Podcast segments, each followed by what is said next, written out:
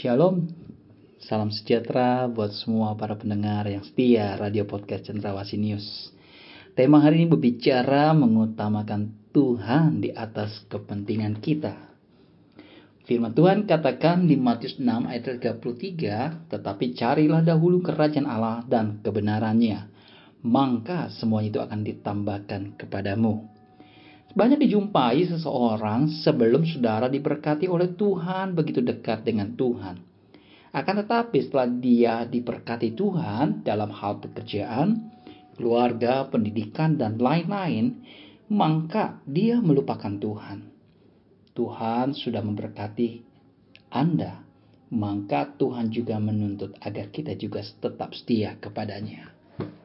Seringkali kita lupa bahwa setiap hari setiap saat kita sebenarnya sementara berperang melawan kuasa iblis.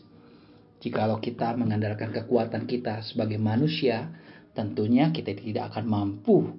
Maka di sinilah kita membutuhkan pertolongan dari Tuhan agar tetap mampu bertahan. Untuk tetap bertahan, maka kita jangan sekali-sekali melupakan Tuhan.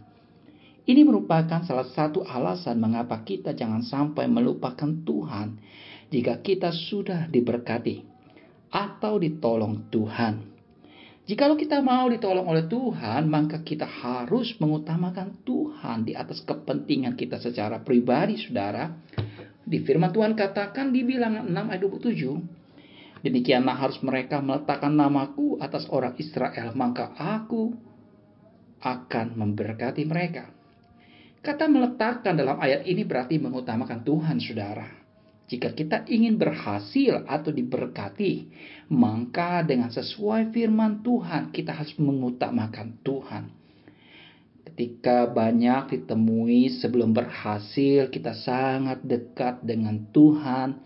Begitu cintanya dengan Tuhan, selalu senantiasa setia melayani Tuhan. Tetapi ketika kita diberkati dan ketika kita berhasil, ketika kita memiliki segalanya, sering kali kita melupakan Tuhan.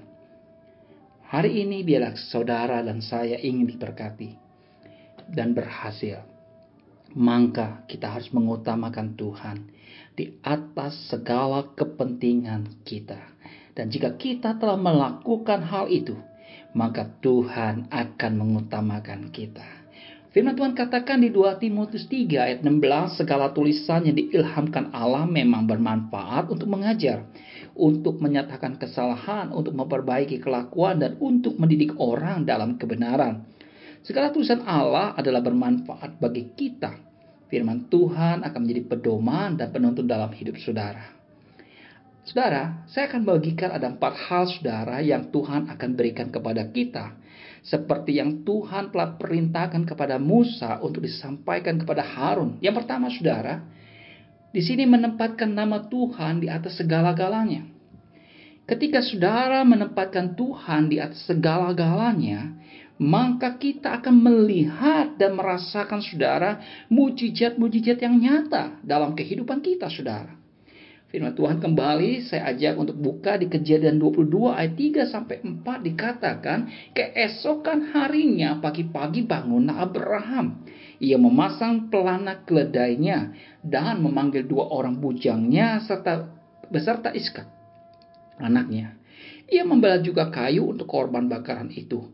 Lalu berangkatlah ia dan pergi ke tempat yang dikatakan Allah kepadanya. Ketika pada hari ketiga Abraham melayangkan pandangnya, kelihatanlah kepadanya tempat itu dari jauh. Saudara, Abraham belajar apa yang Allah mau katakan kepadanya. Dia mau menempatkan Tuhan di atas segala-galanya mendahulukan Tuhan di atas segala-galanya. Yang kedua, bagaimana ada perlindungan Tuhan?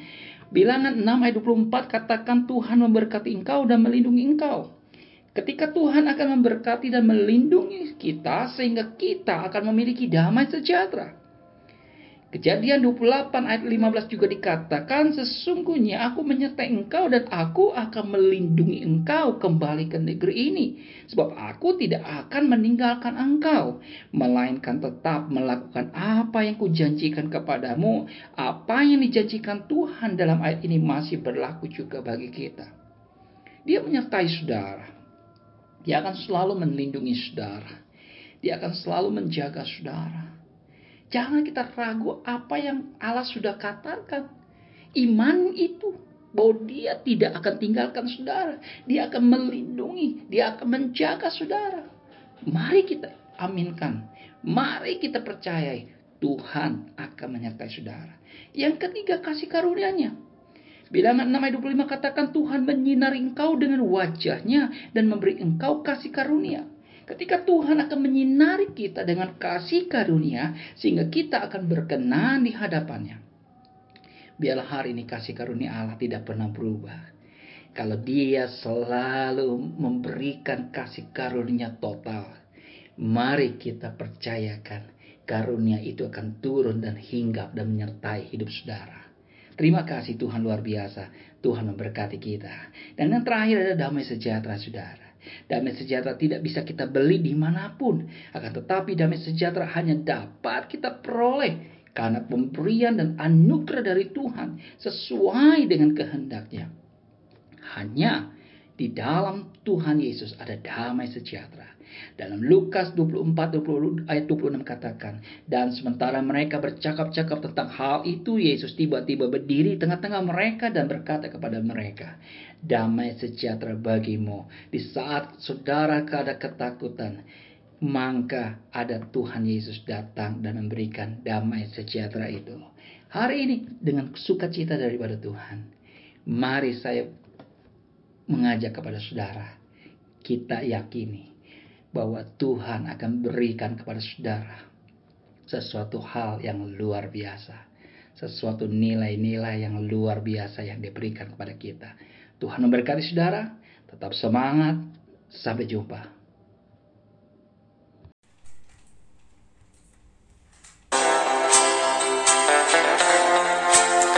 Sampai jumpa esok hari. Kiranya damai sejahtera dari Allah Bapa, kecintaan dan kasih karunia Tuhan kita Yesus Kristus, persekutuan serta penghiburan dari Kudus menyertai kita sekalian mulai hari ini sampai Maranatha Tuhan Yesus datang.